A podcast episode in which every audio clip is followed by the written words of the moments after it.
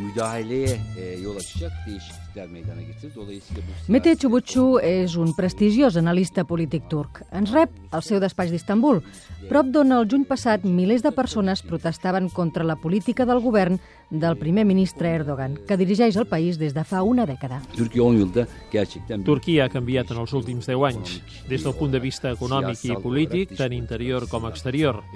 S'ha incrementat la renda per càpita, els fluxos d'inversió han arribat, l'exèrcit ha perdut poder i també l'han perdut els qui volien conservar-lo sense haver estat triats pel poble. Els militars acusats de planejar un cop d'estat van ser enviats a la presó i l'exèrcit s'ha retirat de la política. e, çekti. Aquest balanç positiu no evita, però, que l'islamista Recep Tayyip Erdogan sigui un personatge controvertit, dins i fora de Turquia. La manera com va reprimir al juny les mostres de malestar social per la política governamental va ser condemnada per la comunitat internacional. Erdogan va reaccionar presentant tres mesos més tard un paquet de mesures democratitzadores. Però les mesures no convencen els que el critiquen, com el Gesi Partisi, un partit de recent creació que treballa de manera semiclandestina per motius de seguretat. No hi ha hagut cap e, canvi en l'actitud del govern des de llavors. El paquet de mesures democratitzadores que es va anunciar e, birkaç al setembre està pràcticament buit. E, Conté només algunes petites mesures pràctiques, però en realitat no hi ha res que pugui respondre als problemes relacionats amb els drets humans. Görünen, göründüğü kadar da çıkarmayı düşünmüyorlar. Està clar que no hi ha cap intenció de dur a buna terme bak- una e, reforma en bakarken, aquest sentit. e, tek Türkiye olarak düşünmemek lazım. Però el principal retret que se li fa a Erdogan és que contínuament fa passos endavant i enrere i que finalment pren mesures que es consideren una ingerència en la vida privada i contràries a la laïcitat de l'Estat. Això reforça el neguit de persones com en Teo, que va participar activament en les protestes d'Istanbul.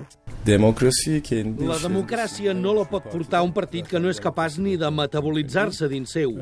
La democràcia només pot arribar a Turquia guiada per persones veritablement democràtiques. e, bu kültürle büyümüş, bu kültürle yetişmiş. La democratització de Turquia i el respecte dels drets humans és un dels mantres que la Unió Europea repeteix quan parla d'un futur accés del país a la Unió. Exigència que Cemta Kirlar, membre d'Ortak Nocta, una altra organització política sorgida de les protestes del juny, considera que pot beneficiar-los. Uh, Els governs de la Unió i els seus ciutadans sí que poden influir en el nostre govern, tant o més que nosaltres. Així que el seu suport pot ser crucial per moviments com el nostre. Però per altres, la implicació europea pot ser contraproduent si s'interpreta com una ingerència.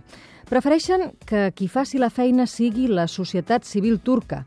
Kivan Chulusoy, doctor en Ciències Polítiques de la Universitat d'Istanbul. Ha cambiado especialmente en eh, el ambiente político en las grandes ciudades. La población urbana eh, se han vuelto a demostrar su poder y su, capacidad de, de gobernar, de participar al gobierno de, de su ciudad, su, eh, su país.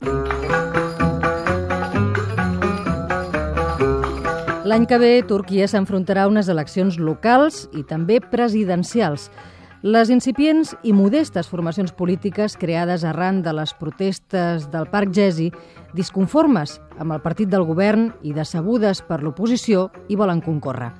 Confien que alguna cosa ha començat a canviar a Turquia i el temps dirà si tenen raó.